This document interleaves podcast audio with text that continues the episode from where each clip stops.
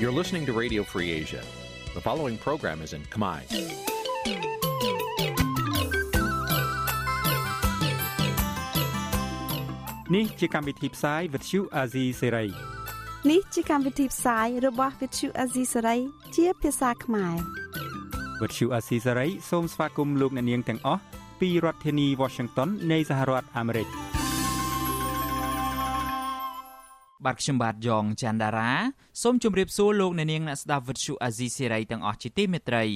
ខ្ញុំបាទសូមជូនកម្មវិធីផ្សាយសម្រាប់ព្រឹកថ្ងៃអាទិត្យ3កើតខែបោះឆ្នាំខាលចត្វាស័កពុទ្ធសករាជ2566ត្រូវនឹងថ្ងៃទី25ខែធ្នូគ្រិស្តសករាជ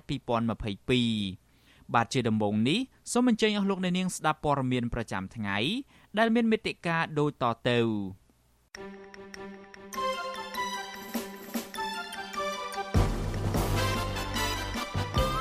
សង្គមស៊ីវិលថាការបង្កើតក្រុងថ្មីបន្ថែម គឺជាការខ្ជះខ្ជាយថវិកាជាតិមន្ត្រីគណៈបកប្រឆាំងថាក្រុមលោកហ៊ុនសែនគឺជាចោរប្លន់យកទ្រព្យសម្បត្តិគេ នៅក្នុងរឿងលក់ស្នាក់ការបកសង្គ្រោះជាតិស្ថានទូតអាមេរិកនិងតំណាងបកកណ្ដាលអំណាចសង្ឃឹមថាកម្ពុជានិងសហរដ្ឋអាមេរិកនឹងមានទំនាក់ទំនងល្អសម្រាប់ឆ្នាំថ្មីអង្គការអភិរក្សសត្វព្រៃ ទទូចដល់អាជ្ញាធរដាក់ចេញវិធានការជាបន្ទាន់ដើម្បីសង្គ្រោះសត្វផ្សោតរួមនឹងព័ត៌មានសំខាន់សំខាន់មួយចំនួនទៀតបាទជាបន្តទៅទៀតនេះខ្ញុំបាទយ៉ងច័ន្ទដារាសូមជូនព័ត៌មានទាំងនេះពឺស្ដាមន្ត្រីអង្គការសង្គមស៊ីវិលលើកឡើងថា ការបង្កើតក្រុងថ្មីបន្ថែមនឹងមិនផ្ដល់ប្រយោជន៍ដល់ប្រជាពលរដ្ឋនោះឡើយប្រសិនបើមន្ត្រីថ្នាក់ក្រោមមិនបំពេញតួនាទីបម្រើសេវាសាធារណៈដល់ប្រជាពលរដ្ឋឲ្យមានប្រសិទ្ធភាពទេនោះពួកគាត់ចាត់ទុកការបង្កើតក្រុងថ្មីនៅពេលនេះថាគ្រាន់តែជាការចែកតំណែងគ្នានៅថ្នាក់ក្រោមជាតិហើយជាការខ្ជះខ្ជាយថវិកាជាតិនិងបង្កើតឲ្យមានអំពើពុករលួយ ជាពិសេសប្រយោជន៍របស់ក្រុមឈ្មួញដីធ្លីបាទលោកជាតិចំណានរាយការណ៍ព័ត៌មាននេះមន្ត្រីសង្គមស៊ីវិល ចាត់ទុកការបង្កើតក្រុងថ្មីជារឿងពុំចាំបាច់នោះឡើយព្រោះធ្វើឲ្យរដ្ឋាភិបាលចំណាយថវិកាជាតិខ្ជះខ្ជាយកាន់តែច្រើនទៅលើសេវាសាធារណៈនិងមន្ត្រីអសកម្មគណៈផលប្រយោជន៍ភាគច្រើនបានទៅលើឈ្មោះអ្នករកស៊ីវិស័យអចលនទ្រព្យប្រធានអង្គការសម្ព័ន្ធគណនេយ្យភាពសង្គមកម្ពុជាលោកសនជ័យប្រាប់វិទ្យុអស៊ីសេរីនៅថ្ងៃទី24ខែធ្នូថាការបំបែកនិងការបង្កើតក្រុងថ្មីនេះជាការខ្ជះខ្ជាយថវិកាជាតិដែលរដ្ឋាភិបាលគួរតែសិក្សាឲ្យបានច្បាស់លាស់ពីកំណើនសេដ្ឋកិច្ចនិងប្រជាជនជាមុនសិន លោកថាការបង្កើតក្រុងថ្មីនេះនឹងធ្វើឲ្យតម្លៃអចលនទ្រព្យកើនឡើងហើយឈ្មោះអ្នកវិនិយោគវិស័យនេះនឹងទទួលបានប្រយោជន៍ច្រើនជាងគេលោកបន្តថារដ្ឋាភិបាលគួរបកស្រាយឲ្យបានច្បាស់លាស់ពីមូលហេតុនិងភាពចាំបាច់ក្នុងការបង្កើតក្រុងថ្មីទាំងនេះដើម្បីជៀសវាងការបង្កើតឲ្យមានអំពើពុករលួយ យើងដឹងហើយការបង្កើតឲ្យមានរដ្ឋបាលថ្មីបែបនេះគឺអាចនឹងធ្វើឲ្យកើតចេញនៅវប្បធម៌ចាស់កម្រិលមួយគឺការរត់ការមុខតំណែងបាទអញ្ចឹងការរត់ការមុខតំណែងនេះវាអាចជាមុខសញ្ញានៃអំពើពុករលួយដែរអញ្ចឹងខ្ញុំគិតថារដ្ឋាភិបាលគួរតែមានយន្តការរបស់ខ្លួនដើម្បីតាមដានមើលកុំឲ្យមានការកើតចេញនៅការរត់ការមុខតំណែងអនុក្រឹត្យរបស់លោកនាយរដ្ឋមន្ត្រីហ៊ុនសែនកាលពីថ្ងៃទី23ខែធ្នូបានសម្រេចបង្កើតក្រុងថ្មីចំនួន3 និងពង្រីកស្រុក2បន្ថែមទៀតក្រុងថ្មីទាំង3នោះរួមមានក្រុងអរិយខ្សាត់ក្រុងសំពៅពនក្នុងខេត្តកណ្ដាលនិងក្រុងឧដុង្គម៉ែជ័យក្នុងខេត្តកំពង់ស្ពឺហើយនៅក្នុងស្រុកឧដុង្គខេត្តកំពង់ស្ពឺក៏ត្រូវបំបែកទៅជាស្រុកមួយទៀតគឺស្រុកសាមគ្គីមនីជ័យជាមួយគ្នានោះរដ្ឋាភិបាលក៏បានសម្រេចបង្កើតស្រុកមួយទៀតនៅខេត្តក្រចេះគឺស្រុកអូក្រៀងសានជ័យដោយកាត់យក5ឃុំពីស្រុកសម្បូរបែងចែកចំនួន5ឃុំជុំវិញរឿងនេះប្រធានអង្គភិបអ្នកនាំពាក្យរដ្ឋាភិបាលលោកផៃស៊ីផាន់ឲ្យដឹងថា រដ្ឋាភិបាលបង្កើតក្រុងថ្មីបន្ថែមនេះគឺដើម្បីប្រយោជន៍ជាតិដែលឆ្លើយតបទៅនឹងកំណើនសេដ្ឋកិច្ចនិងការអភិវឌ្ឍជាពិសេសដើម្បីរុញសេវាសាធារណៈឲ្យកាន់តែជិតជាមួយនឹងប្រជាពលរដ្ឋការបំបែកក្រុងបំណងធ្វើយ៉ាងដូចម្ដេចរុញការផ្ដល់សេវាកម្មសាធារណៈឲ្យទៅគៀកជាមួយនឹងប្រជាពលរដ្ឋយើងវិភាគមើលតើប្រជាពលរដ្ឋនៅតំបន់ក្នុងភូមិសាស្ត្រនោះតែគាត់នៅឆ្ងាយពីគណៈបញ្ជាការរួម របស់អភិបាលខេត្តដែរឬទេដូច្នេះផលប្រយោជន៍ធំជាងគេគឺផលប្រយោជន៍នៃប្រជាពលរដ្ឋទោះជាយ៉ាងណាការបំបែកឬបង្កើតក្រុងនិងស្រុកបន្តគ្នានេះមន្ត្រីអង្គការសង្គមស៊ីវិលមើលឃើញថារដ្ឋាភិបាលចំណាយថវិកាជាតិខ្ជះខ្ជាយនិងមិនចំគោលដៅខណៈពេលដែលតំបន់រដ្ឋបាលនៅតាមស្រុកខេត្តមួយចំនួននៅមិនទាន់មានស្ពានថ្នល់សាលារៀនមន្ទីរពេទ្យនិងសេវាសាធារណៈបានល្អនៅឡើយទេប្រធានមជ្ឈមណ្ឌលប្រជាពលរដ្ឋដើម្បីអភិវឌ្ឍលោកយ៉ុងកំឯង ថាការបង្កើតស្រុកក្រុងថ្មីនេះគ្មានភាពចាំបាច់នោះឡើយតែផ្ទុយទៅវិញជាការបន្ថែមបន្ទុកនៃការចំណាយរបស់រដ្ឋាភិបាលបន្ថែមទៀតខណៈពេលនេះសេដ្ឋកិច្ចរបស់កម្ពុជាដែលទើបតែងើបចេញពីវិបត្តិជំងឺ Covid-19 មិនទាន់មានភាពល្អប្រសើរលោកបន្តថារដ្ឋាភិបាលគួរមកពង្រឹងការងារមន្ត្រីរដ្ឋបាលតាមឃុំសង្កាត់ចំនួនវិញដើម្បីធ្វើឲ្យមានការបម្រើសាធារណៈដល់ប្រជាពលរដ្ឋឲ្យមានប្រសិទ្ធភាព អ្នកដែលដើរតួសំខាន់គឺឃុំសង្កាត់មកទៅវិញទេបាទដែលត្រូវតែជួយបរិញ្ញគាត់ឲ្យខ្លាំងនៅក្នុងដើម្បីឲ្យយើងពោះទៅរកការអនុវត្តនៅវិមិច្ឆការឲ្យបានជាក់ស្ដែងហើយនឹងឲ្យកាន់តែល្អប្រសើរដែលអំណាចនឹងត្រូវបានប្រគល់ទៅដល់គុំសង្កាត់នឹងជាក់លាក់តាមអ្វីដែលបានកំណត់នៅក្នុងច្បាប់ណាបាទកាលពីឆ្នាំ2019រដ្ឋមន្ត្រីក្រសួងមហាផ្ទៃបានសម្រេចបង្កើតក្រុងស្រុកខណ្ឌចំនួន6ថ្មីបន្ថែមទៀត ក្នុងរាជធានីភ្នំពេញខេត្តព្រះសីហនុខេត្តកំពង់ស្ពឺខេត្តពោធិ៍សាត់និងខេត្តស្ទឹងត្រែងក្នុងនោះរាជធានីភ្នំពេញត្រូវបានបង្កើតខណ្ឌចំនួន2ទៀតគឺខណ្ឌបឹងកេងកងនិងខណ្ឌកំបូលខេត្តព្រះសីហនុបានបង្កើតក្រុងថ្មីឈ្មោះក្រុងកោះរ៉ុងនៅខេត្តកំពង់ធំបានបង្កើតស្រុកថ្មីឈ្មោះស្រុកតាំងគោកចំណែកនៅខេត្តពោធិ៍សាត់បានបង្កើតស្រុកថ្មីឈ្មោះស្រុកតាឡៅសែនជ័យ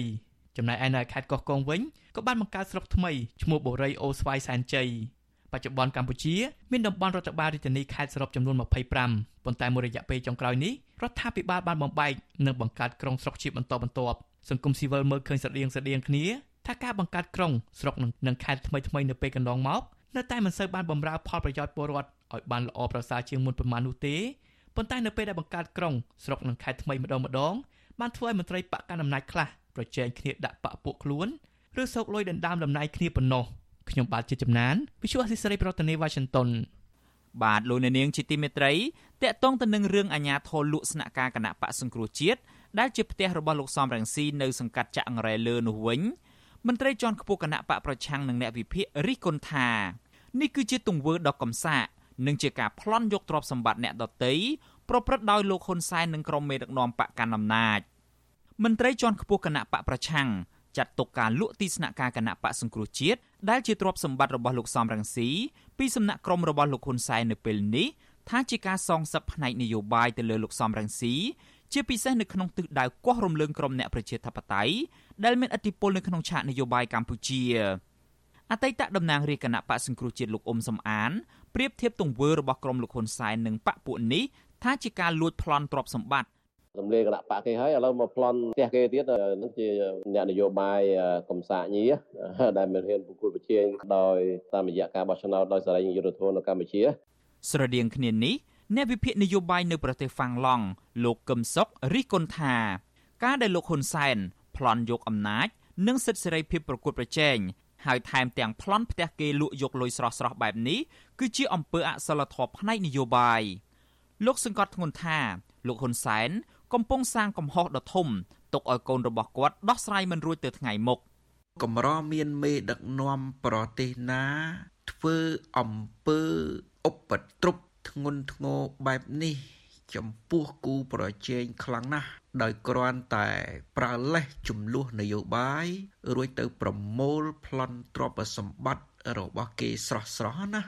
ប្រតិកម្មរបស់មន្ត្រីគណៈបកប្រឆាំងនឹងអ្នកវិភាគនេះ កើតមានឡើងក្រោយពីលោកនាយរដ្ឋមន្ត្រីហ៊ុនសែនបានប្រកាសកាលពីថ្ងៃទី22ធ្នូថា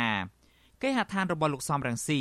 និងជាទីស្នាក់ការគណៈបកសង្គ្រោះជាតិនៅសង្កាត់ចាក់អង្រែលើរាជធានីភ្នំពេញនោះត្រូវបានលក់ដូររួចហើយនៅក្នុងតម្លៃជាង1លាន6សែនដុល្លារដើម្បីយកលុយមកសងជំងឺចិត្តលោកនិងថ្នាក់ដឹកនាំគណៈបកប្រជាជនកម្ពុជា ដែលឯងបានប្រកាសនៅសៀមរាបឆ្នាំ2003មានស៊ីអត់សែនមានសែនអត់ស៊ីឥឡូវកំពុងមានសែនលើទឹកដីខ្មែរតែវាអត់ស៊ីហើយអត់មកយកទៅហើយស្នាក់ការរបស់ឯងលក់បាត់ហើយមិនស្នាក់ការដីរបស់ឯងលក់បាត់ហើយប្រកែតាមមើលទៀតអាណាត្រូវសងជំងឺចិត្តអីយ៉ាងម៉េចត្រូវសងប្រព័ន្ធឃោសនារបស់លោកហ៊ុនសែនបានចុះផ្សាយថាអចលនទ្រព្យរបស់លោកសំរងស៊ីនេះលក់បានជាង1លាន6សែនដុល្លារ ក្នុងនោះលោកហ៊ុនសែនទទួលបានជាង7សែនដុល្លារប្រធានរដ្ឋសភាលោកហេងសំរិនទទួលបានជិត50000ដុល្លាររដ្ឋមន្ត្រីក្រសួងមហាផ្ទៃលោកសខេងទទួលបានជិត4សែនដុល្លាររដ្ឋាភិបាលទទួលបានជាង4សែនដុល្លារនិងជាង5000ដុល្លារទៀតចូលទៅក្នុងរដ្ឋាភិបាលជាតិក៏ប៉ុន្តែលោកហ៊ុនសែនបានអះអាងថាសំណងនេះនៅមិនទាន់គ្រប់គ្រាន់នៅឡើយទេពីព្រោះលោកសំរងស៊ីត្រូវបង់សំណងសរុបជាង2លានដុល្លារ តាមសាលក្រមរបស់តុលាការនៅក្នុងសំណុំរឿងដែលត្រូវបានប្តឹងដោយរូបលោក លោកសខេងនិងលោកហេងសំរិនកាលពីពេលកន្លងទៅចាក្រមតុលាការក្រុងភ្នំពេញលោកអឹមវណ្ណៈបានចេញដីកាលក់អចលនៈទ្រព្យរបស់លោកសំរងស៊ីនេះកាលពីខែវិច្ឆិកាឆ្នាំ2021ទៅតាមការចង់បានរបស់លោកហ៊ុនសែន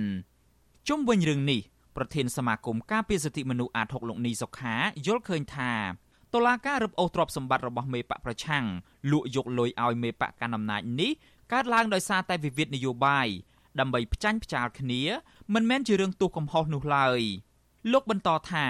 ការរឹបអូសផ្ទះសម្បែងរបស់លោកសំរងស៊ីននេះកាន់តែធ្វើឲ្យមានការបែកបាក់ជាតិដែលផ្ទុយពីស្មារតីបង្រួបបង្រួមជាតិដែលមានចែងនៅក្នុងរដ្ឋធម្មនុញ្ញនិងស្មារតីនៃកិច្ចព្រមព្រៀងសន្តិភាពទីក្រុងប៉ារីស អ្នកនយោបាយនៅតែក្តីក្តាំគ្នាហើយយកបញ្ហានឹងទៅផ្ចាញ់ផ្សាគ្នាមូលបង្កាច់ចង់ឈ្នះចង់ចាញ់គ្នាដោយប្រើប្រាស់របៀបក្តីក្តាំគ្នាបែបនេះខ្ញុំគិតថាទី1មិនមែនជាអ្វីដែលបានទៅដល់ប្រយោជន៍ជាតិហើយវាឃើញថាស្ថានភាពនយោបាយបរិយាកាសនយោបាយនឹងកាន់តែតឹងតែងទៅតឹងតែងទៅវាធ្វើឲ្យសម្ពាធអន្តរជាតិនឹងក៏កាន់តែដាក់ទៅលើរដ្ឋាភិបាលដែរតកតងទៅនឹងការរឹបអូសយកស្នាក់ការគណៈបកសង្គ្រោះជាតិ ដែលជាទ្រព្យសម្បត្តិផ្ទាល់ខ្លួនរបស់លោកសំរងស៊ីយកទៅលក់ដូរនេះលោកសំរងស៊ីធ្លាប់បញ្ជាក់ប្រាប់វិទ្យុអាស៊ីសេរីថាលោកមិនខ្វាយខ្វល់រឿងនេះទេពីព្រោះលោកមិនមែនជាមនុស្សសម្ភារៈនិយមក៏ប៉ុន្តែលោកសំរងស៊ីចាត់ទុកករណីនេះថាជាការតាមធ្វើទុកបុកម្នេញនិងសងសឹករូបលោក ទាំងផ្នែកនយោបាយនិងហិរញ្ញវត្ថុពីសំណាក់លោកនាយរដ្ឋមន្ត្រីហ៊ុនសែន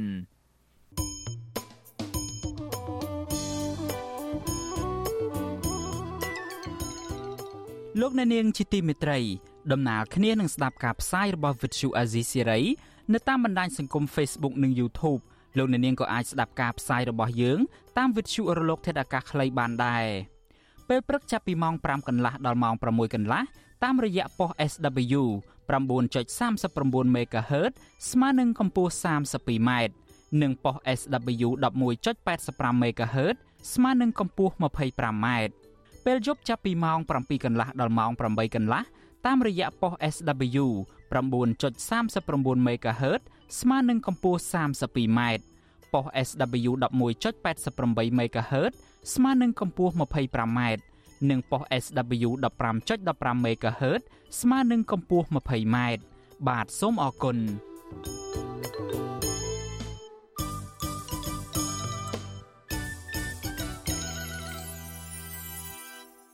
បាទលោកនាងជាទីមេត្រីពាក់ព័ន្ធទៅនឹងទំនាក់ទំនងរវាងកម្ពុជានិងសហរដ្ឋអាមេរិកឯនេះវិញឯកអគ្គរដ្ឋទូតសហរដ្ឋអាមេរិកប្រចាំកម្ពុជា លោក Patrick Murphy បានជួបពិភាក្សាជាមួយលោកនាយរដ្ឋមន្ត្រីហ៊ុនសែននៅស្ថានទូតកាលពីថ្ងៃទី24ខែធ្នូ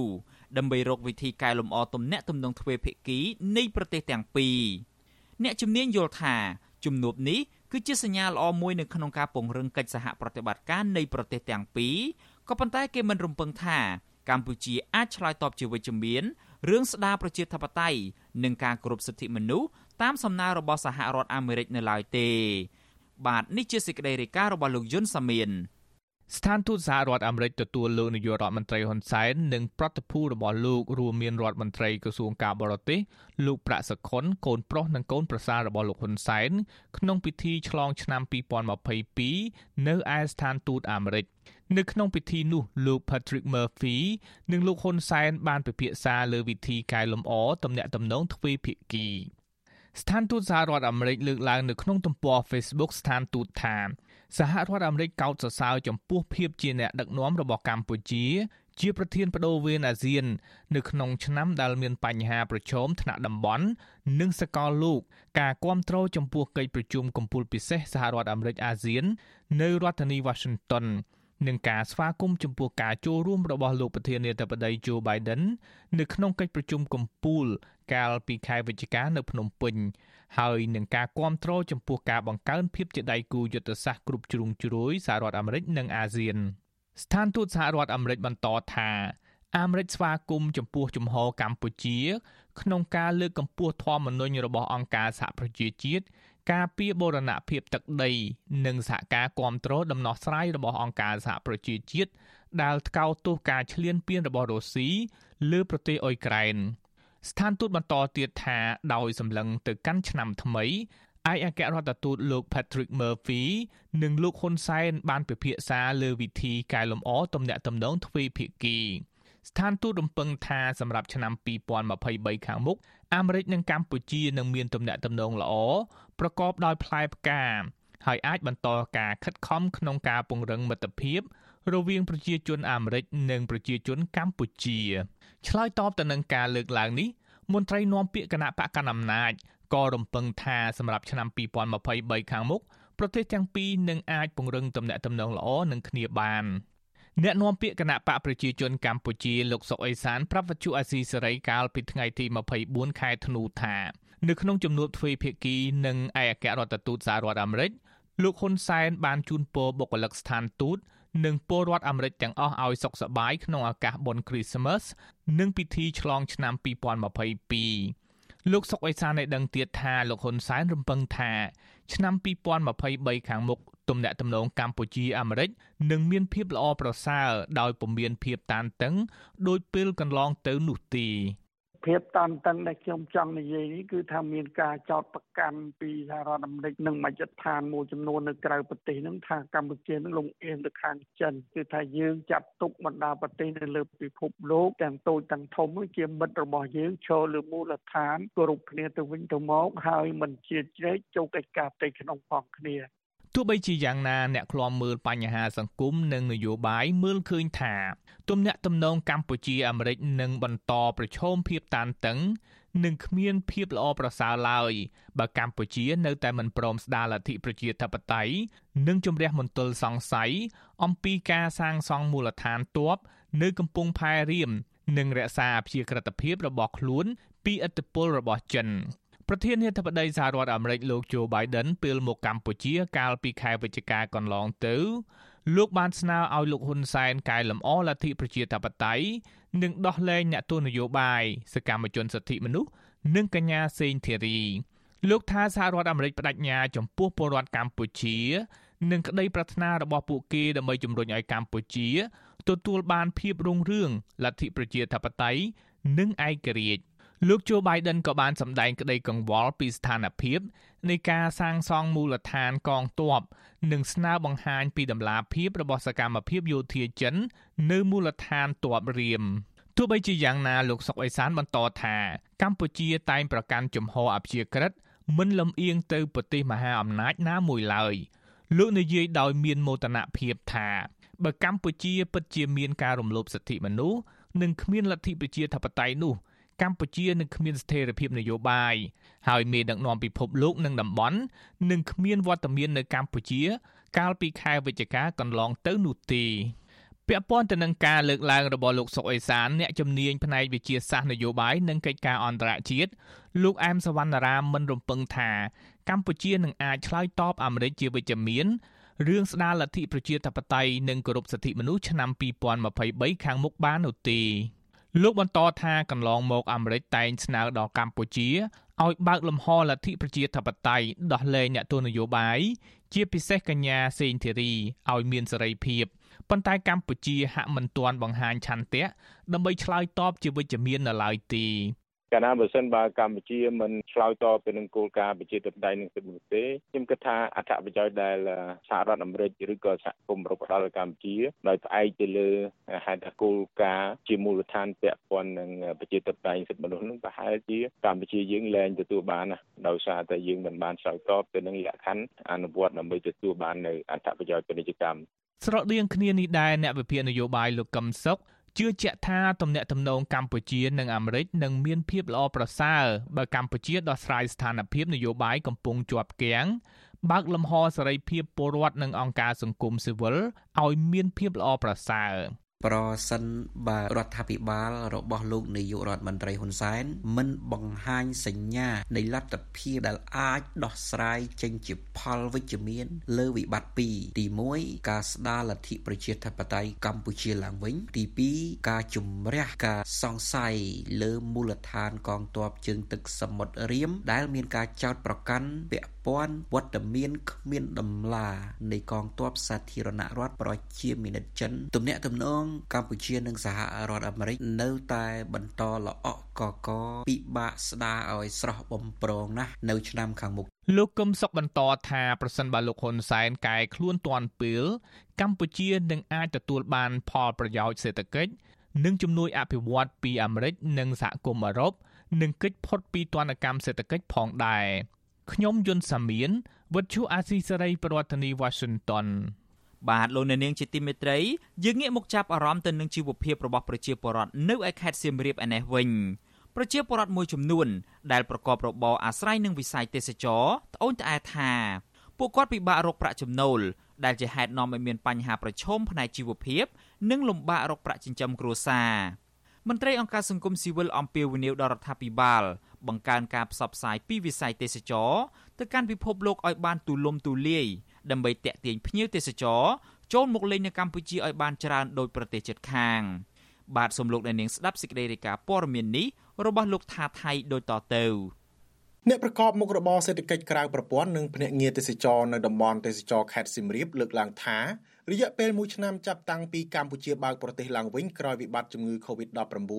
វិស័យទេសចរនៅក្នុងខេត្តប្រវត្តិសាស្ត្រមួយនេះនៅមិនទាន់មានភាពល្អប្រសើរនៅឡើយទេដោយចំនួនភ្ញៀវទេសចរចូលមកកម្ពុជានៅមានកម្រិតតិចតួចពួកគាត់យល់ថាបញ្ហានេះរដ្ឋាភិបាលគូជួយអន្តរាគមន៍ដោះស្រាយបន្ថែមទៀតដើម្បីជួយដល់ជីវភាពពលរដ្ឋនិងសេដ្ឋកិច្ចជាតិ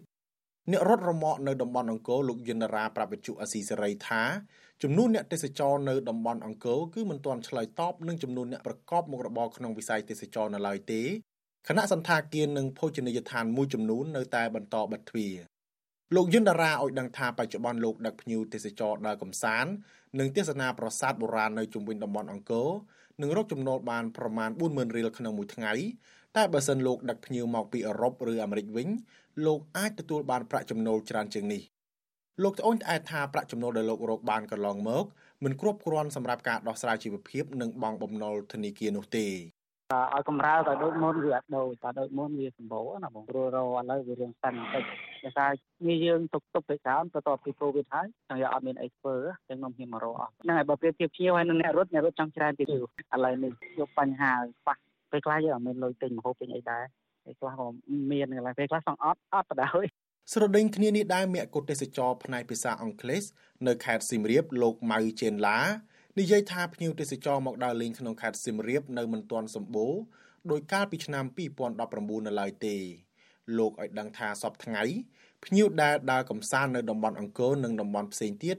គឺលោកទទួលបានពីខាងសន្តាគារនិងមិត្តភ័ក្តិតែមួយទៅពីក្រុមក្នុងមួយខែតែប៉ុណ្ណោះនិងផ្ដល់ប្រាក់ចំណូលប្រមាណ350ដុល្លារលោកបន្តថាពេលខ្លះលោកឆ្លៀតរថតាក់ស៊ីពីសៀមរាបទៅភ្នំពេញបន្ថែមទៀត ដើម្បីយកប្រាក់ផ្គត់ផ្គង់គ្រួសារនិងសងបំណុលធនាគារដែលលោកជំពាក់ជាង35000ដុល្លារប្រទេសគេខ្ញុំទៅសិង្ហបុរីម៉ាឡេហើយវៀតណាមគេមានទេសចរគេគេថាគេល្អបាទដំណើរការគេល្អផ្នែកខាង sales marketing គេថាយើងខ្សោយខាង sales marketing បាទចង់ឲ្យរដ្ឋាភិបាលជួយប្រព័ន្ធផ្សព្វផ្សាយ technology បាទ medium technology ណា platform បាទ online គេថាឲ្យច្រើនតិចដើម្បីឲ្យគេដឹងពីប្រទេសខ្មែរយើងបាទ ចំណែកអ្នកលក់ដូរនៅឃុំព្រះដាក់ស្រុកបន្ទាយស្រីវិញលោកស្រីប៉នយិនរៀបរាប់ថារាល់ថ្ងៃមុខរបរមួយនេះមិនសូវលក់ដាច់ដូចពេលមុនផ្ទុះជំងឺ Covid នោះទេដោយសារភ្ញៀវទេសចរនៅចាយវាយត្បិតត្បៀតស្របពេលទំនិញនៅលើទីផ្សារកំពុងឡើងថ្លៃលោកស្រីឲ្យដឹងថាបើទោះបីជាភ្ញៀវទេសចរនៅខេត្តសៀមរាបកម្រើកឡើងវិញក្តីក៏ក្នុងមួយថ្ងៃលោកស្រីលក់នំបញ្ចុកសម្លខ្មែរសម្លការីនិងទឹកប្រហុកបានពី10ទៅ20គីឡូក្រាម ហើយលោកស្រីទទួលបានកម្រៃបន្តិចបន្តួចសម្រាប់ហូបចុកប្រចាំថ្ងៃនិងបង់បំណុលធនាគារ300ដុល្លារក្នុងមួយខែតែมันអាចសល់សម្រាប់សន្សំទុកបានទេលោកស្រីរំពឹងថារដ្ឋាភិបាលនឹងជួយឲ្យមានកំណើនភ្ញៀវទេសចរជាងនេះដើម្បីជួយសម្រួលដល់ជីវភាពពលរដ្ឋដែលពឹងផ្អែកលើវិស័យទេសចរបានតែបន្ទប់សងគេចា មិនតាន់បានអស់តែវគ្គគេការកូវីដទេបងចាពាក្យនេះគេណាដែលយើងយើងយកមកហូបចុកនោះដែលយើងកូវីដយើងរកអីបាក់មានបានណា2ឆ្នាំនោះហើយណាក៏នេះជាផងគេមិនខ្ចីលុយប្រពេលប្អូនពេលចងការគេខ្លះខ្លះយកមកពុតគំណាការលើកឡើងនេះធ្វើឡើងបន្ទាប់ពីក្រសួងទេសចរបញ្ជាក់ការពីថ្ងៃទី3ខែធ្នូថារយៈពេល10ខែឆ្នាំ2022ក្រោយកម្ពុជាបើកប្រទេសទទួលទេសចរអន្តរជាតិឡើងវិញ ខេត្តសៀមរាបកើនទេសចរអន្តរជាតិឡើងវិញដោយការហោះហើរចូលខេត្តនេះមានចាប់ពី15ទៅ16ជើងក្នុងមួយថ្ងៃដែលបានដឹកភ្ញៀវទេសចរចាប់ពី1300ទៅ1400នាក់ក្នុងមួយថ្ងៃក្រសួងបញ្ជាក់ថារយៈពេល10ខែឆ្នាំ2022ខេត្តសៀមរាបទទួលបានទេសចរសរុបជាង1លាន7សែននាក់បើធៀបនឹងរយៈពេលដូចគ្នា កាលពីឆ្នាំ2021ដែលបាត់ប្រទេសដោយសារការរីករាលដាលនៃជំងឺ Covid-19 ក្នុងនោះ ភ្ញៀវទេសចរអន្តរជាតិមានចំនួនជិត17សែននាក់ក្រសួងទេសចរបញ្ជាក់ថារយៈពេល10ខែដូចគ្នានេះដែរសម្រាប់ទេសចរនៅទូទាំងប្រទេសវិញកម្ពុជាទទួលបានភ្ញៀវអន្តរជាតិ1លាន5សែននាក់រីឯភ្ញៀវទេសចរផ្ទៃក្នុងដើរកំសាន្តក្នុងប្រទេសមានជាង10លាននាក់បើធៀបនឹងរយៈពេលដូចគ្នាកាលពីឆ្នាំ2021ទាក់ទងរឿងនេះវិទ្យុអាស៊ីសេរីមិនអាចតាក់ទងแนะនាំពាក្យក្រសួងទេសចរលោកតបសុភ័ក្រ និងប្រធានមន្ត្រីទេសចរខេត្តសៀមរាបលោកងៅសេងកាក់ដើម្បីបញ្ជាក់បន្ថែមជុំវិញរឿងនេះបានទេប្រធានសមាគមឯករាជ្យនៃសេដ្ឋកិច្ចក្រៅប្រព័ន្ធលោកវ៉ាន់ពៅមានប្រសាសន៍ថាចំនួនអ្នកទេសចរនៅកម្ពុជាបានកើនឡើងប៉ុន្តែលោកសង្កេតឃើញថាពលរដ្ឋមួយចំនួនដែលប្រកបមុខរបរក្នុងវិស័យទេសចរដូចជាសន្តាគារផ្ទះសំណាក់អ្នកលក់ដូរអ្នករត់រមាក់ជាដើមនៅតែជួបបញ្ហាប្រាក់ចំណូល និងបញ្ហាផ្សេងផ្សេងពីព្រោះរដ្ឋាភិបាលបានខកខានជួយអន្តរាគមន៍ដល់ពួកគេដែលរងគ្រោះដោយសារការរាតត្បាតជំងឺ Covid-19 កន្លងទៅលោកថាដើម្បីឲ្យវិស័យទេសចរទទួលបានការទាក់ទាញជាពិសេសភ្ញៀវទេសចរអន្តរជាតិឲ្យមកកំសាន្តនៅកម្ពុជាឲ្យបានច្រើនរដ្ឋាភិបាលត្រូវកសាងកេរ្តិ៍ឈ្មោះល្អទៅកាន់ពិភពលោករួមទាំងការផ្តល់សេវាកម្មទេសចរសន្តិសុខសុវត្ថិភាពជូនភ្ញៀវជាពិសេសការលុបបំបាត់អំពើពុករលួយនៅតាមច្រកព្រំដែនជាដើម ទោះបីកើនឡើងបន្តិចបន្តួចយ៉ាងណាក៏ដោយអ្នកប្រកបមុខរបរសេដ្ឋកិច្ចក្រៅប្រព័ន្ធមួយចំនួនធំហ្នឹងគឺកន្លែងដែលធ្លាប់ប្រកបមុខរបរកាលពីមុនត្រូវបានគេរុះរើត្រូវបានគេដេញចេញឬក៏ត្រូវបានគេអភិវឌ្ឍមិនអនុញ្ញាតឲ្យគាត់លក់ដូរអីជាដើមនេះវាជាកត្តាមួយដែលគាត់មិនអាច ទទួលផលនៃវិស័យទេសចរនឹងបានទី2គឺវិស័យទេសចរមួយចំនួនត្រូវបានដួលរលំដោយសារស្ថានភាពកូវីដហើយទោះបីជាងើបឡើងវិញក៏ដោយយើងឃើញថាយន្តការរបស់រដ្ឋមិនទាន់មានការឧបត្ថម្ភធនសម្រាប់វិស័យទេសចរទាំងតូចទាំងធំជាពិសេសអ្នកធ្វើការវិស័យក្រៅប្រព័ន្ធធ្វើយ៉ាងណាឲ្យគាត់ទទួលបានដើមទុនបន្ថែមទៀតសម្រាប់ទាក់ទាញភ្ញៀវទេសចរនឹងនឹងដោយទេថ្មីថ្មីនេះរដ្ឋមន្ត្រីក្រសួងទេសចរលោកថងខុន ឲ្យដឹងថាតាមការប៉ានប្រមាណខេត្តសៀមរាបអាចនឹងទទួលបានភ្ញៀវទេសចរប្រមាណ2លាន2សែននាក់នៅក្នុងឆ្នាំ2022នេះក្នុងនោះទេសចរអន្តរជាតិនឹងកើនឡើងដល់23ម៉ឺននាក់ស្ថិតិរបស់ក្រសួងទេសចរឲ្យដឹងថាក្នុងឆ្នាំ2021កម្ពុជាទទួលបានភ្ញៀវទេសចរអន្តរជាតិសរុបជិត20ម៉ឺននាក់ដែលថយចុះ85%បើធៀបនឹងកាលឆ្នាំ2020ខ្ញុំថាថៃពីទីក្រុងមែលប៊ន លោកអ្នកនាងកញ្ញាជាទីមេត្រីវិទ្យុអាស៊ីសេរីសូមជូនដំណឹងថាយើងគ្មានអ្នកយកព័ត៌មានប្រចាំនៅប្រទេសកម្ពុជាទេប្រសិនបើមានជនណាម្នាក់អះអាងថាជាអ្នកយកព័ត៌មានឲ្យវិទ្យុអាស៊ីសេរីនៅកម្ពុជានោះគឺជាការក្លែងបន្លំយកឈ្មោះអាស៊ីសេរីទៅប្រើនៅក្នុងគោលបំណងទុច្ចរិតណាមួយរបស់បុគ្គលនោះតែប៉ុណ្ណោះបាទសូមអរគុណ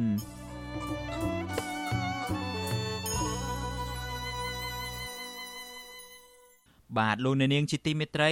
នៅឯខេត្តសៀមរាបនេះដែរគម្រោងអភិវឌ្ឍមជ្ឈមណ្ឌលស្រាវជ្រាវ និងអភិរក្សកេសរកូល មានទំហំជាង2000ហិកតាស្ថិតនៅក្នុងតំបន់អភិរក្សភ្នំគូលែនកំពុងប៉ះពាល់ដល់ប្រជាពលរដ្ឋចំនួន3ភូមិ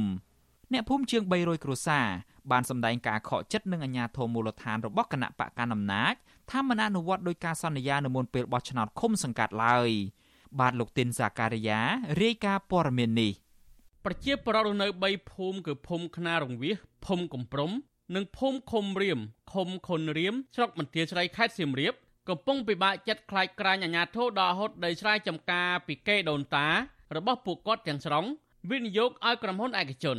អ្នកភូមិថាអាញាធរនៅតែពន្យាពេលមិនផ្ដល់បានកម្មសិទ្ធិឬប្លង់រឹងដើម្បីឲ្យពួកគាត់ស្ងប់ចិត្តនៅឡើយទេស្រាប់តែគម្រោងអភិវឌ្ឍនានារបស់ក្រុមហ៊ុនឯកជនបានផុសផុលឡើង ប៉ះចំដីស្រែចំការគេឪពុកម្ដាយរបស់ពួកគាត់ប្រជាពលរដ្ឋនៅភូមិខ្នារងវាសឃុំខុនរៀមលោកសិនឡូតប្រាប់វិទ្យុអាស៊ីសេរីកាលពីថ្ងៃទី23ធ្នូថាអញ្ញាធិឃុំមកពីគណៈបកកណ្ដាលអំណាចបានសន្យានៅមុនពេលបោះឆ្នោតឃុំសង្កាត់អាណត្តិទី5ថា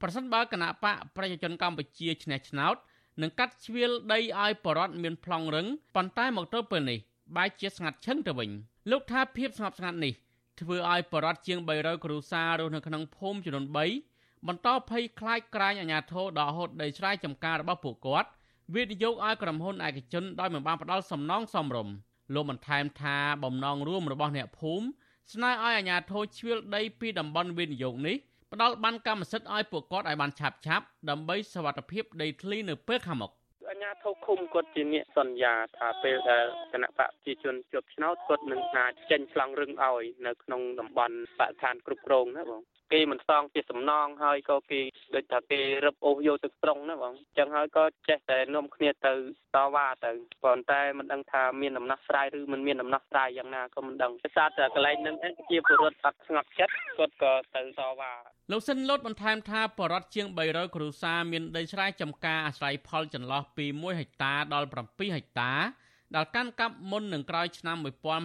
ស្ថិតនៅក្នុងតំបន់អភិរក្សកេះរកូល និងតំបន់អភិរក្សអូសៀនជាតិជ័យវរ្ម័ននរោត្តមភ្នំកូលែនកាលពីថ្ងៃទី21ធ្នូអ្នកភូមិជាង200នាក់រស់នៅភូមិចំនួន3ក្នុងឃុំខុនរៀមស្រុកបន្ទាយស្រី បានប្រមូលផ្ដុំតវ៉ានៅមុខសាលាឃុំខុនរៀមដើម្បីទាមទារឲ្យអាជ្ញាធរផ្ដាល់បាត់កម្មសិទ្ធិដីធ្លីឬប្លង់រឹងដោយការសន្យានៅមុនពេលបោះឆ្នោតជ្រើសរើសក្រុមប្រឹក្សាឃុំសង្កាត់អាណត្តិទី5ក្នុងពេលតវ៉ាអភិបាលស្រុកបន្ទាយស្រីលើកផុនសុខុមថ្លែងប្រាប់ក្រុមបរដ្ឋថា សំណពររបស់អ្នកភូមិអាជ្ញាធរបានផ្ញើជូនថ្នាក់លើរួចហើយប៉ុន្តែមកទល់ពេលនេះយន្តការដោះស្រាយរឿងដីធ្លីនេះជាភារកិច្ចរបស់ក្រសួងបរិស្ថាននិងរដ្ឋាភិបាលលោកថាអាជ្ញាធរនឹងមិនបណ្ដឹងចេញបរដ្ឋចេញពីដីស្រែចម្ការទាំងនេះទេទោះបីជាយ៉ាងនេះក្តីបរដ្ឋម្នាក់ទៀតលោកកែវសាយប្រាប់វិទ្យុអសរីថាសវត្ថភាពដីធ្លីរបស់ពលលោកកំពុងតែស្ថិតនៅក្នុងភាពផុយស្រួយនៅឡើយក្រោយពីក្រុមហ៊ុនឈ្មោះសុគី Garden ក្រុងនឹងទៅអភិវឌ្ឍនៅតំបន់នោះ រីឯក្រសួងបរិស្ថានមានផែនការអភិវឌ្ឍលើផ្ទៃដីជាង2000ហិកតា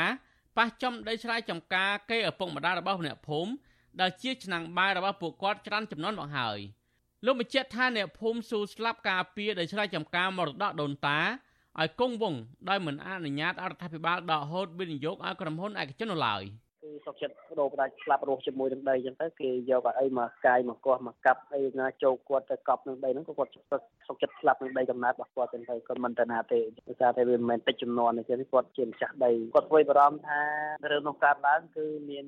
បាតកម្មមានការដែលអាចស្លាប់មនុស្សមានស្លាប់អីចឹងទៅឬដោយសារតែអ្នកដែលមិនមិនព្រមស្ម័គ្រចិត្តដោះដូរឬក៏ចាក់ចេញទៅតាមការដែលស្នើសុំរបស់គម្រោងគេចឹងកាលពីថ្ងៃទី25វិច្ឆិកាឆ្នាំ2021ក្រសួងបរិស្ថានបានឯកភាពអនុញ្ញាតតាមសំណើរបស់ក្រុមហ៊ុន Sukia Garden របស់លោកឡាវណាំគៀងដែលស្នើសុំទីតាំងដីទំហំ500ហិកតាស្ថិតនៅក្នុងបរិវេណមជ្ឈមណ្ឌលស្រាវជ្រាវនិងអភិរក្សកេះរកូលស្ថិតនៅក្នុងតំបន់អភិរក្សភ្នំកូលែននៃឧទ្យានជាតិព្រះជ័យវរ្ម័ននរោត្តមខេត្តសៀមរាបដើម្បីបង្កើតគម្រោងកសិដ្ឋានសូគីគម្រោងអភិវឌ្ឍនេះបែងចែកជាច្រើនតំបន់រួមមានបណ្ដោះកូនឈើទីតាំងដាំកូនឈើសួនផ្កាស្រះទឹក និងទីតាំងចិញ្ចឹមសត្វព្រៃជាដើម។ ប៉ុន្តែអ្នកភូមិរកឃើញឯកសារបង្ហាញថាគម្រោងអភិវឌ្ឍនេះវិនិយោគលើផ្ទៃដីជាង2000ហិកតាដែលគ្រប់គ្រងដោយក្រសួងបរិស្ថានក្នុងនោះដីប្រមាណជា500ហិកតាវិនិយោគឲ្យក្រុមហ៊ុនឯកជនគម្រោងអភិវឌ្ឍនេះបានលងបន្លាចស្មារតីអ្នកភូមិព្រោះបារម្ភពីសវត្ថភាពដីធ្លីខ្លាចក្រែងអាជ្ញាធររឹបអូសទាំងស្រុងដោយបរដ្ឋនៅតំបន់រុនតាឯកធ្វើឲ្យបរដ្ឋលំបាកវេទនាត្រូវវិច្ចបង្វិចស្វែងរកយុទ្ធធរខាតពេលវេលានិងថវិកា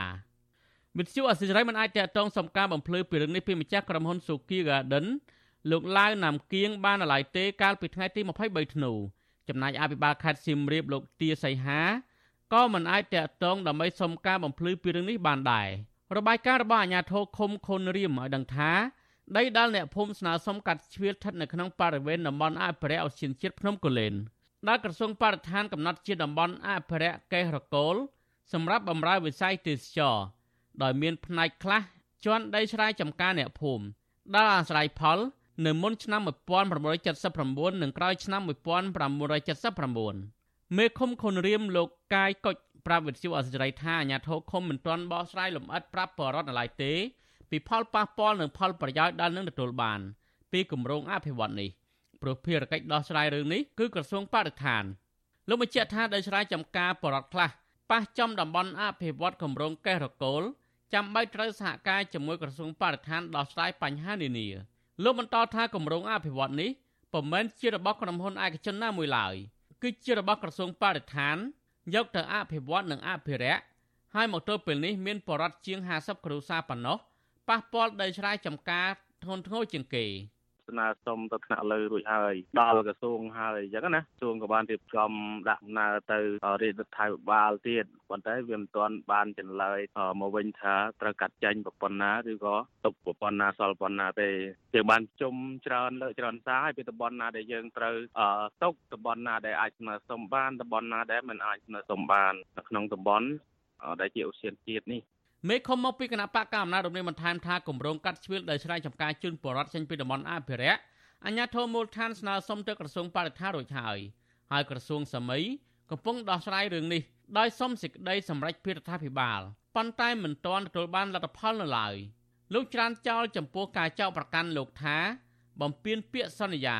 ព្រោះបញ្ហាដីធ្លីនៅតំបន់នេះអាជ្ញាធរឃុំបន្តប្រឹងប្រែងដោះស្រាយជូនបរដ្ឋជាហោហែ និងបានស្នើទៅក្រសួងបរិស្ថាន កាត់ជ្រឿលដីជូនអ្នកភូមិដែលអាស្រ័យផលយូរមកហើយជុំវិញនឹងរឿងនេះមន្ត្រីសម្រាប់សម្រួលគម្រោងធុរកិច្ចនិងសិទ្ធិមនុស្សនៃមជ្ឈមណ្ឌលសិទ្ធិមនុស្សកម្ពុជាលោកវ៉ាន់សុផាតសង្កេតឃើញថាអញ្ញាធិឃុំនឹងស្រុកតែងតែសន្យានៅមុនពេលបោះឆ្នោតឲ្យរួចតែពីមាត់ដើម្បីដោះខ្លួនមួយពេលមួយពេលប៉ុន្តែក្រោយពីបោះឆ្នោតរួចអញ្ញាធិបែរជាប្រងើយកន្តើយមិនដោះស្រាយបញ្ហាជូនពលរដ្ឋលោកផ្ដាល់ទស្សនៈថាវិវាទដីធ្លីនេះមិនពិបាកដោះស្រាយទេ អាស្រ័យលើសុឆន្ទៈរបស់រដ្ឋាភិបាលត្រូវអនុប្រយោគពីដីសាធារណៈរបស់រដ្ឋទៅជាដីឯកជនរបស់រដ្ឋជាមុនសិនថាបើអត់មានចន្ទៈពិតប្រកបហើយដោយសារតែរប្រយោជន៍អីផ្សេងផ្សេងពីក្រមហ៊ុនអីចឹងជាជាងជាពលរដ្ឋអីចឹងអាហ្នឹងវាវានៅតែមានការស្រុកស្មានដល់ស្រាអញ្ចឹងចឹងដែរប៉ុន្តែសរុបសេចក្តីមកគឺនៅលើឆន្ទៈពិតប្រកបរបស់នៃអាជ្ញាធរពាក់ព័ន្ធហ្នឹងហើយនឹងអ្នកដែលសម្រេចចិត្តចុងក្រោយហ្នឹងឯងបើសិនជាគាត់ មានឆន្ទៈសម្រាប់ដោះស្រាយជាពលរដ្ឋហ្នឹងគឺថាអត់ពិបាកទេបាទហើយប៉ុន្តែខ្លាចតែមានអីស្អីនៅពីក្រោយអីផ្សេងទៀតអាហ្នឹងជាពលរដ្ឋហ្នឹងគាត់នៅតែរងគ្រោះរហូតចឹងអត់មានដំណោះស្រាយទេបាទអូឈានជាតិព្រះបាទជ័យវរ្ម័ននរោត្តមភ្នំកូលែនបានបង្កើតឡើងដោយព្រះរាជក្រឹត្យកាលពីឆ្នាំ1993មានផ្ទៃដីជាង37000ហិកតាគ្របដណ្ដប់លើភ្នំចំនួន3គឺភ្នំកូលែនភ្នំក្បាលស្ពាននិងភ្នំហប់ ឧទ្យានជាតិនេះមានទឹកជ្រោះច្រឡងភ្នំខ្ពង់រាបប្រាសាទបុរាណអាស្រមអ្នករិសាសិលសត្វព្រៃនិងទីតាំងបុរាណស្ថានជាច្រើនកន្លែងតាក់ទាញចិត្តភ្ញៀវទេសចរទៅកំសាន្តស្ថិតនៅក្នុងស្រុកចំនួន3គឺស្រុកស្វាយលើស្រុកមន្ទាស្រីនិងស្រុកវ៉ារិនពេលនេះផ្នែកខ្លះនៃឧទ្យានជាតិនេះមានដីស្រែចម្ការរបស់ពលរដ្ឋរាប់រយគ្រួសារបន្តដាំដុះច្រើនចំនួនមកហើយនិងមានតំបន់ខ្លះទៀតគ្រប់គ្រងដោយបុគ្គលមានលុយនិងមានអំណាច ខ្ញុំធីនសាការីយ៉ាអស៊ីសេរីប្រធានីវ៉ាស៊ីនតោនបាទលោកនាងជាទីមេត្រី នៅឯខេត្តបន្ទាយមានជ័យឯណោះវិញប្រជាពលរដ្ឋជាង700គ្រួសារនៅសង្កាត់ប៉ោយប៉ែតក្រុងប៉ោយប៉ែតស្នើសុំឲ្យអាជ្ញាធរផ្ដាល់ដីដែលពួកគាត់បានកាប់ឆ្ការក្នុងពេលថ្មីៗនេះនៅតំបន់សរវាងព្រំដែនកម្ពុជាថៃឲ្យជាកម្មសិទ្ធិផ្ទាល់ខ្លួនដល់ពួកគាត់មន្ត្រីអង្គការសង្គមស៊ីវិលយល់ឃើញថា អាជ្ញាធរគួរតែផ្ដាល់ដីទាំងនោះដល់ក្រមប្រជាពលរដ្ឋធ្វើជាកម្មសិទ្ធិទៅតាមពាក្យសន្យា ពីព្រោះពួកគាត់បានចំណាយកម្លាំងនិងប្រឈមហានិភ័យនៅក្នុងការកាប់ឆ្ការព្រៃតំបន់ជាប់ព្រំដែននេះបាទលោកសេកបណ្ឌិតសូមរាយការណ៍ព័ត៌មាននេះជូនលោកនាងស្ដាប់ដូចតទៅប្រជាពលរដ្ឋជាង700គ្រួសារនៅភូមិទំនប់ក5និងភូមិព្រៃគុកសង្កាត់ប៉ោយប៉ែតក្រុងប៉ោយប៉ែតស្នើសុំអាជ្ញាធរផ្ដល់ដីដែលពួកគេទើបនឹងកាប់ឆ្ការ នៅតំបន់ស ជាប់ព្រំប្រទល់កម្ពុជាថៃធ្វើជាកម្មសិទ្ធិផ្ទាល់ខ្លួនប្រជាពលរដ្ឋរស់នៅភូមិទំនប់ក5ម្នាក់គឺលោកឈួងធា ប្រាប់ប្រជុអសីស្រីថាប្រជាពលរដ្ឋរាប់រយគ្រួសារបានចាប់ផ្ដើមកាប់ឆ្ការព្រៃនៅតំបន់សជាប់ព្រំប្រទល់ជាមួយនឹងប្រទេសថៃ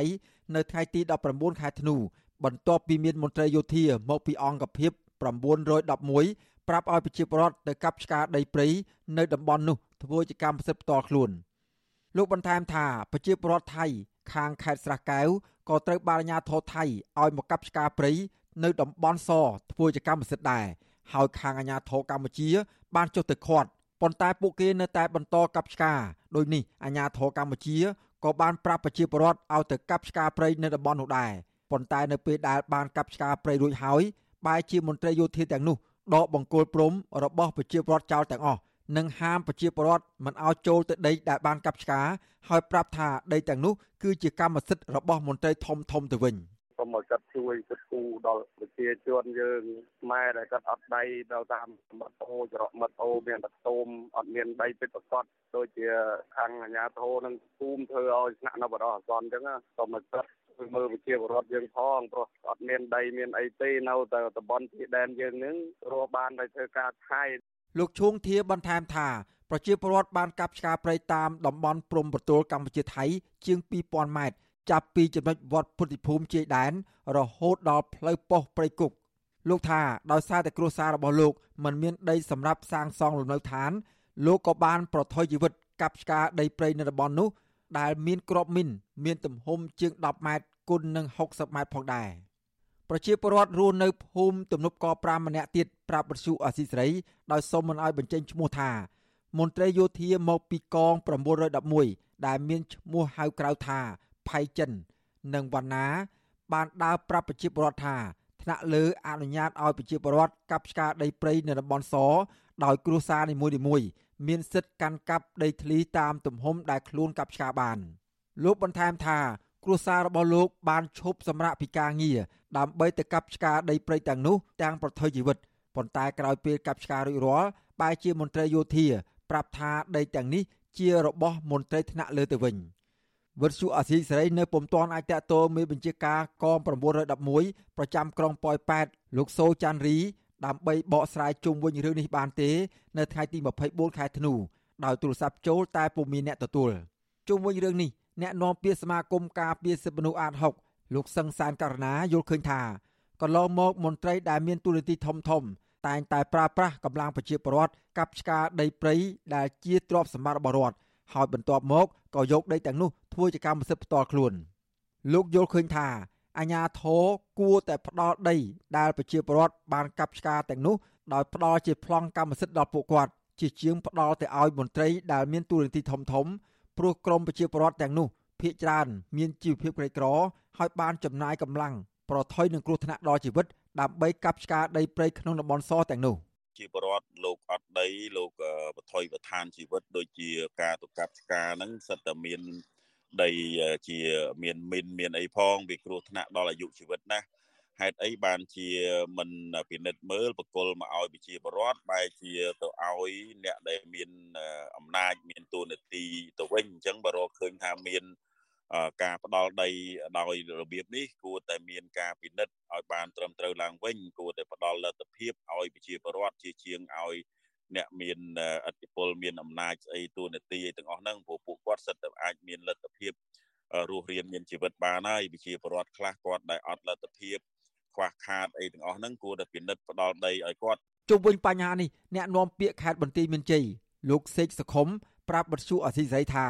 អាជ្ញាធរខេត្តមិនទាន់បានដឹងពីបញ្ហាប្រជាពលរដ្ឋកាប់ឆ្ការដីព្រៃនៅតំបន់សនោះនៅឡើយទេកន្លងមកអង្គការសង្គមស៊ីវិលជាតិនិងអន្តរជាតិរកឃើញថាអាជ្ញាធរនិងអ្នកមានអំណាចតែងតែប្រើប្រាស់ប្រជាពលរដ្ឋដើម្បីឲ្យទៅកាប់ឆ្ការទុនទ្រានយកដីព្រៃឬឈោឈ្មោះដើម្បីទទួលបានដីសម្បត្តិ ប៉ុន្តែបន្ទាប់ពីទទួលបានដីទាំងនោះពីរដ្ឋាភិបាលហើយក្រមអាជ្ញាធរបែរជាធ្វើទុកបុកម្នេញនិងបណ្ដេញប្រជាពលរដ្ឋស្លូតត្រង់ចេញពីដីទាំងនោះទៅវិញ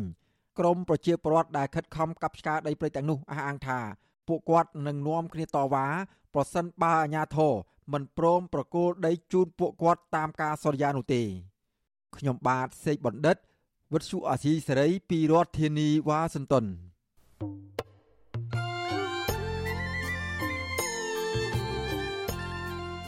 លោកអ្នកនាងជាទីមេត្រីនៅក្នុងឱកាសនេះដែរខ្ញុំបាទសូមថ្លែងអំណរគុណដល់លោកអ្នកនាងកញ្ញាទាំងអស់ដែលតែងតែមានភក្ដីភាពចំពោះការផ្សាយរបស់យើងហើយចាត់ទុកការស្ដាប់វិទ្យុអាស៊ីសេរីគឺជាផ្នែកមួយនៃសកម្មភាពប្រចាំថ្ងៃរបស់លោកអ្នកនាងគឺការគ្រប់គ្រងរបស់លោកអ្នកនាងនេះហើយដែលធ្វើឲ្យយើងខ្ញុំមានទឹកចិត្តកាន់តែខ្លាំងក្លាថែមទៀតនៅក្នុងការស្វែងរកនិងផ្តល់ព័ត៌មានជូនលោកអ្នកនាង មានអ្នកស្ដាប់អ្នកទស្សនាកាន់តែច្រើនកាន់តែធ្វើឲ្យយើងខ្ញុំមានភាពស្វាហាប់ មោះមុតជាបន្តទៅទៀតយើងខ្ញុំសូមអរគុណទុកជាមុនហើយសូមអញ្ជើញលោកអ្នកនាងកញ្ញាទាំងអស់ចូលរួមជំរុញឲ្យសកម្មភាពផ្តល់ព័ត៌មានយើងនេះកាន់តែជោគជ័យបន្ថែមទៀតលោកអ្នកនាងអាចជួយយើងខ្ញុំបានដោយគ្រាន់តែចុចចែករំលែកឬមួយក៏ Share ការផ្សាយរបស់យើងនៅលើបណ្ដាញសង្គម Facebook និង YouTube ទៅកាន់មិត្តភ័ក្តិដើម្បីឲ្យការផ្សាយរបស់យើងបានទៅដល់មនុស្សកាន់តែច្រើន បាទសូមអរគុណ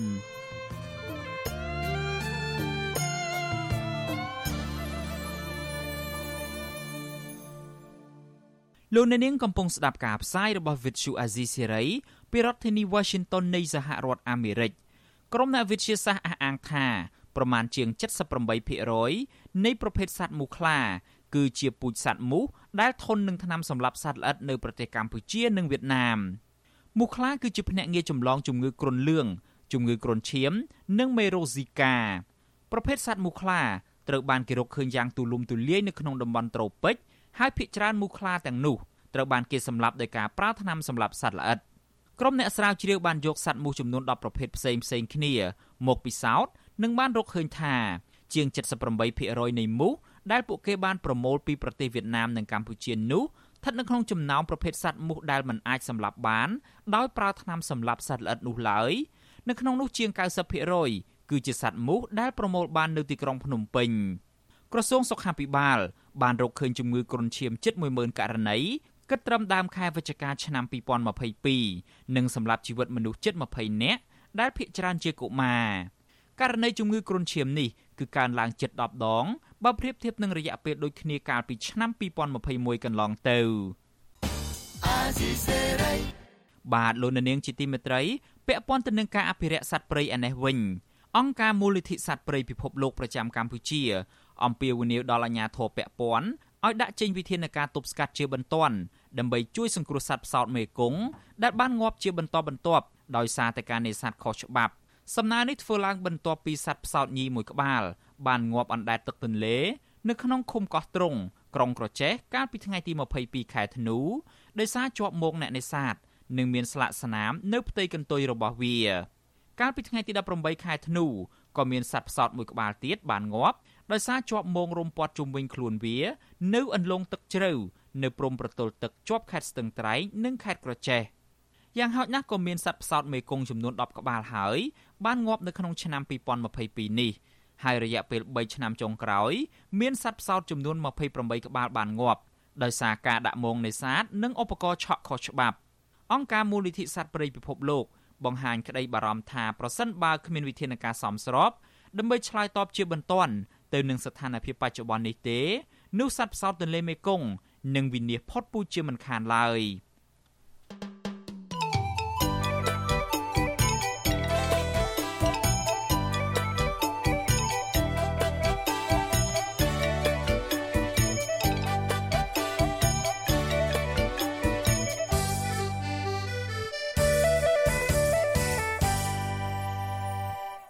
លោកអ្នកនាងជាទីមេត្រី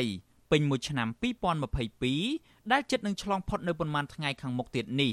លោកនាយរដ្ឋមន្ត្រីហ៊ុនសែននៅតែបន្តជាប់ឈ្មោះជាមេដឹកនាំដែលបានគាស់រំលើងប្រជាធិបតេយ្យនិងរំលោភបំពានសិទ្ធិរបស់ប្រជាពលរដ្ឋស្ថានភាពប្រជាធិបតេយ្យនិងសិទ្ធិមនុស្សនៅកម្ពុជា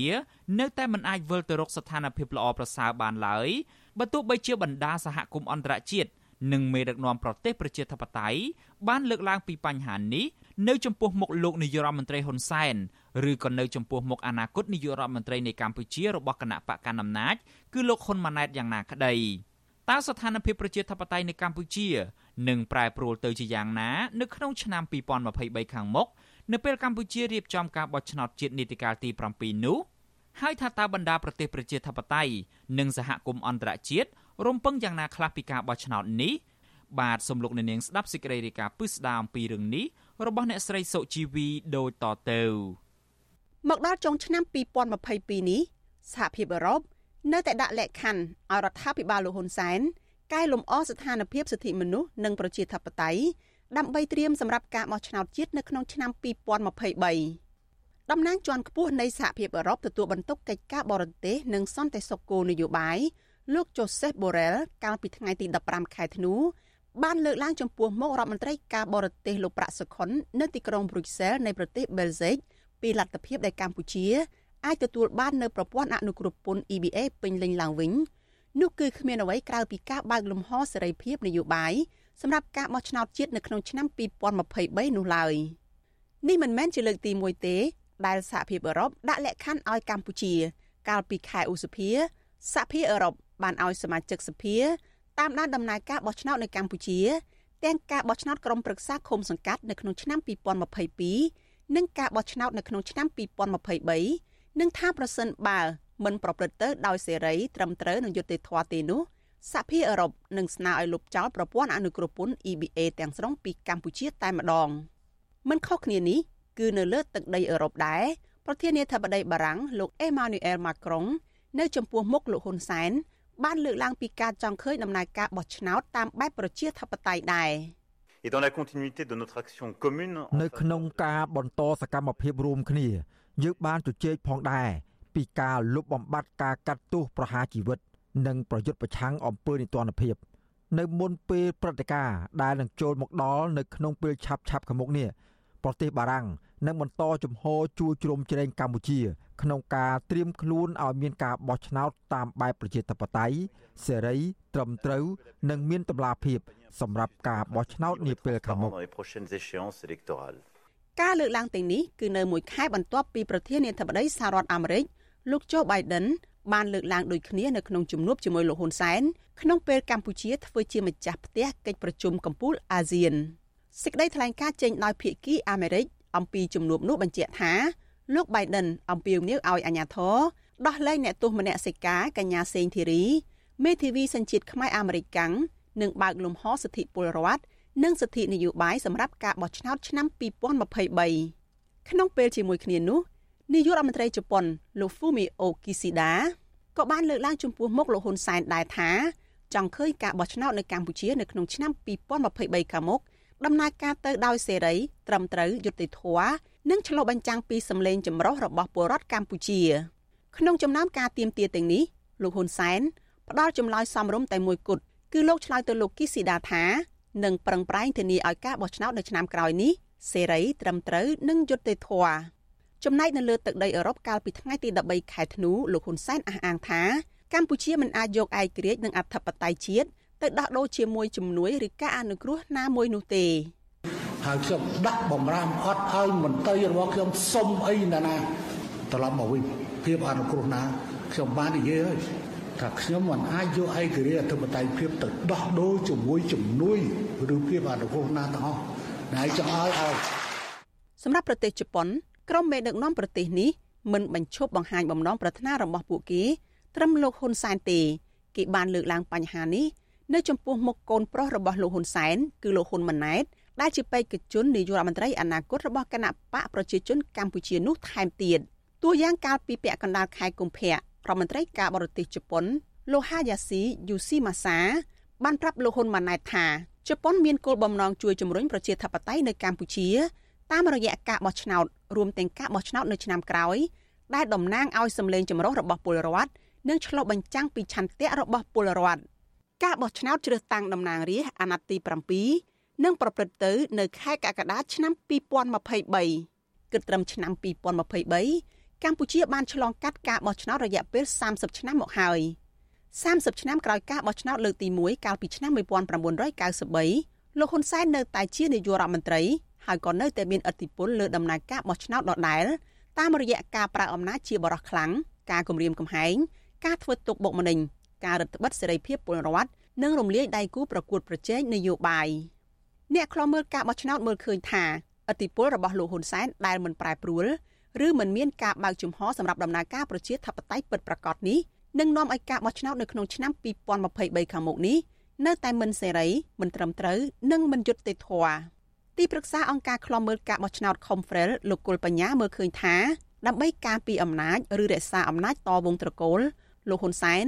មិនអាចបន្ធូរបន្ថយឲ្យមានបកប្រឆាំងមួយពេញលេញឡើយពលគឺលោកមិនឲ្យប្រវត្តិសាស្ត្របោះឆ្នោតនៅក្នុងឆ្នាំ1993និងឆ្នាំ2017ជួនដានម្ដងទៀតឡើយបានដូចជាទម្រង់ដូចការបោះឆ្នោត2022អញ្ចឹងដែលមើលទៅខាងរដ្ឋាភិបាលនឹងអាចគឺថាគាត់ចង់ឲ្យរូបភាពបែបហ្នឹងតាមពិតគាត់ចង់បានរូបភាពឲ្យគេទទួលស្គាល់ការបោះឆ្នោតយ៉ាងដែរប៉ុន្តែគាត់ មិនចង់ឲ្យមានការប្រកួតប្រជែងការបោះឆ្នោតមួយមានការចូលរួមពេញលេញពីខាងគណៈបកប្រឆាំងគណៈបកនយោបាយចំនួន17បានចូលរួមការបោះឆ្នោតក្រុមប្រឹក្សាឃុំសង្កាត់ឆ្នាំ2022ក្នុងនោះមានគណៈបកភ្លើងទៀនដែលមានលោកសំរងស៊ីប្រធានស្ដីទីគណៈបកសង្គ្រោះជាតិជាស្ថាបនិកចូលរួមដែរប៉ុន្តែការបោះឆ្នោតនេះរងការរិះគន់ថាមិនបានអនុវត្តតាមកម្រិតអបបរមានៃការបោះឆ្នោតតាមគោលការណ៍ប្រជាធិបតេយ្យពិតប្រាកដឡើយ ឆ្លើយតបនឹងរឿងនេះអ្នកនាំពាក្យគណៈកម្មាធិការជាតិរៀបចំការបោះឆ្នោតលោកហងពុធាអះអាងថាគោជបមានបទពិសោធន៍រៀបចំការបោះឆ្នោតដោយត្រឹមត្រូវនិងយុត្តិធម៌រួចមកហើយលោកថានៅក្នុងការបោះឆ្នោតនៅពេលខាងមុខកោជបនឹងប្រឹងប្រែងរៀបចំឲ្យកាន់តែល្អកោជបទី1គឺពង្រឹងនៅសកម្មភាពនិងភាពត្រឹមត្រូវនិងអភិសិទ្ធភាពរបស់ខ្លួនទី2ស្វាគមន៍ទទួលយកអឺមតិ ទាំងឡាយណាដែលធ្វើឲ្យដំណើរការបោះឆ្នោតហ្នឹងមានការរីកចម្រើនមិនខុសគ្នានេះដែរអ្នកនាំពាក្យរដ្ឋាភិបាលលោកផៃស៊ីផានបញ្ជាក់ដដែលដដែលថាអញ្ញាធរដ្ឋាភិបាលរួមទាំងកោជបផង តែងអនុវត្តតាមច្បាប់មិនដឹងជាយើងត្រូវលុបច្បាប់នឹងចោលទាំងអស់ទៅយកច្បាប់ដែលជាការចង្អុលបង្ហាញឬបញ្ជាពីបរទេសមកធ្វើឬយ៉ាងម៉េចអានេះយើងពិបាកនឹងឆ្លើយពិបាកនឹងសួរខ្លួនឯងពីព្រោះអ្វីដែលជាប្រទេស មួយយើងត្រូវទៅរៀនធ្វើពង្រឹងនៅឯការអនុវត្តទៅតាមច្បាប់ដែលយើងមានបាទតើតើនៃការបោះឆ្នោតនេះក្រុមអង្គការសង្គមស៊ីវិលស្នើនៅលក្ខខណ្ឌអបបរមាចំនួន6ចំណុចសម្រាប់ការបោះឆ្នោតនៅពេលខាងមុខដែលរួមមានបរិយាកាសនយោបាយដោយសេរីសិទ្ធិនយោបាយនិងសិទ្ធិចូលឈ្មោះបោះឆ្នោតការការពារឆន្ទៈអ្នកបោះឆ្នោត និងសិទ្ធិបោះឆ្នោតឯករាជ្យរបស់ស្ថាប័នគណៈកម្មាធិការជាតិរៀបចំការបោះឆ្នោត កងកម្លាំងប្រដាប់អាវុធនិងតុលាការឯករាជ្យនិងអព្យាក្រឹតនិងធានាបាននូវទួលនីតិរបស់ក្រុមអង្គការសង្គមស៊ីវិលនិងប្រព័ន្ធផ្សព្វផ្សាយឯករាជ្យនៅក្នុងរឿងនេះដែរអគ្គលេខាធិការអង្គការសហប្រជាជាតិលោកអង់តូនីញ៉ូហ្គូតេរ៉េសដែលមកចូលរួមកិច្ចប្រជុំកំពូលអាស៊ាននៅកម្ពុជាកាលពីខែវិច្ឆិកាក៏អំពាវនាវឲ្យធានានូវសិទ្ធិនយោបាយនិងសេរីភាពបញ្ចេញមតិរបស់ពលរដ្ឋនៅមុនការបោះឆ្នោតឆ្នាំ2023ខាងមុខនេះដែរ ដូច្នេះមកដល់ពេលនេះស្ទើរគ្រប់ភាគីទាំងអស់ចាប់តាំងពីអង្គការបោះឆ្នោតនៅក្នុងស្រុកអង្គការសហប្រជាជាតិនិងបណ្ដាប្រទេសប្រជាធិបតេយ្យចង់ឲ្យកម្ពុជាបង្ហាញឆន្ទៈពិតប្រាកដនៅក្នុងការបោះឆ្នោតនៅឆ្នាំក្រោយតកតទៅនៅរឿងនេះអ្នកសិក្សាស្រាវជ្រាវនៅវិទ្យាស្ថានខ្មែរសម្រាប់សហប្រតិបត្តិការនិងសន្តិភាពលោកវ៉ាន់ប៊ុនណាមើលឃើញថាកម្ពុជានឹងរងទណ្ឌកម្មពីបណ្ដាប្រទេសដែលចេញមុខទាមទារឲ្យកម្ពុជា ធានាការបោះឆ្នោតតាមគោលការណ៍ប្រជាធិបតេយ្យនៅក្រៅការបោះឆ្នោតធ្វើឲ្យកម្ពុជានឹងបាត់បង់ទីផ្សារសម្រាប់ការនាំចេញនឹងដែលវាមានតម្លៃពន្ធនឹងខ្លាំងផងដែរអញ្ចឹងវាពិបាកក្នុងការប្រកួតប្រជែងអញ្ចឹងទេវាធ្វើឲ្យកម្ពុជាខាត់បងផ្នែកសេដ្ឋកិច្ចមួយទៀតគឺតកតងទៅនឹងរឿងនយោបាយធ្វើឲ្យប្រជាពលរដ្ឋនឹងកាន់តែរងទុក្ខហើយអានឹងវាជាបញ្ហាសង្គមដែលវាចាក់ស្រេះនៅពេលអនាគតលោកវ៉ាន់ប៊ុនណាយល់ថាគណៈបកកាន់អំណាចដែលក្តោបក្តាប់អំណាចពេញដៃទៅហើយនោះ គួរតែបន្ធូរបន្ថយខ្លះឲ្យគណៈបកប្រឆាំងបានចូលរួមពេញលេញនៅក្នុងការបោះឆ្នោតខាងមុខ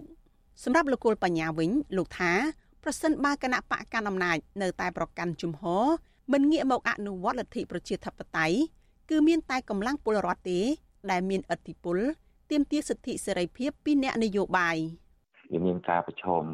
ច្រើននៃការកម្រិតកំហែងនេះប៉ុន្តែរឿងទូនទីនៃការចូលរួមយ៉ាងសកម្មរបស់ប្រជាពលរដ្ឋនេះគឺសំខាន់បាន បើយើងមើលពិសោធន៍នៅប្រទេសណាក៏ប្រទេសណាដែរគឺកត្តាប្រជាពលរដ្ឋនេះសំខាន់ណាស់ដែលត្រូវតែចូលរួមយ៉ាងសកម្មតស៊ូមតិបាទទោះជាយ៉ាងណាមកដល់ពេលនេះលោកហ៊ុនសែននៅតែមិនញញើតនឹងបំបិតសម្លេងរបស់ពលរដ្ឋដែរជាអាចលោកបានបញ្ជាឲ្យក្រុមបាតដៃទី3ទៅថតរូបអ្នកចូលរួមបាតុកម្មប្រឆាំងលោកនៅលើទឹកដីអឺរ៉ុបដែលជាទឹកដីនៃសេរីភាពចំណែកស្ថានភាពនយោបាយវិញក៏មិនធូរស្រាលដែរប្រធានគណៈបកសង្គ្រោះជាតិលោកកឹមសុខា ត្រូវតុលាការកាត់ក្តីពីបទត្រូវរើគ្នាជាមួយរដ្ឋបរទេសដែលនឹងប្រកាសសាលក្រមនៅថ្ងៃទី3ខែមីនាដែលគៀកនឹងថ្ងៃបោះឆ្នោតស្របពេលដែលមេដឹកនាំបកប្រឆាំងដទៃទៀតរួមទាំងលោកសំរងស៊ីផងជាប់បណ្ដឹងស្អិចស្កះនៅតុលាការនិងភៀសខ្លួននៅក្រៅប្រទេសជាមួយគ្នានេះអនុប្រធានគណៈបកភ្លើងទៀនលោកសុនឆៃក៏ត្រូវតុលាការកាត់ឲ្យចាញ់ក្តីនៅក្នុងសំណុំរឿងបរិហាគេដោយត្រូវសងជំងឺចិត្ត ជិត1លានដុល្លារទៅឲ្យគណៈបកកាន់អំណាចនិងកោជបហើយប្រឈមនឹងតុលាការរឹបអូសយកដីធ្លីផ្ទះសម្បែងនាងខ្ញុំសុជីវីវិទ្យុអាស៊ីសេរីពីរដ្ឋធានី Washington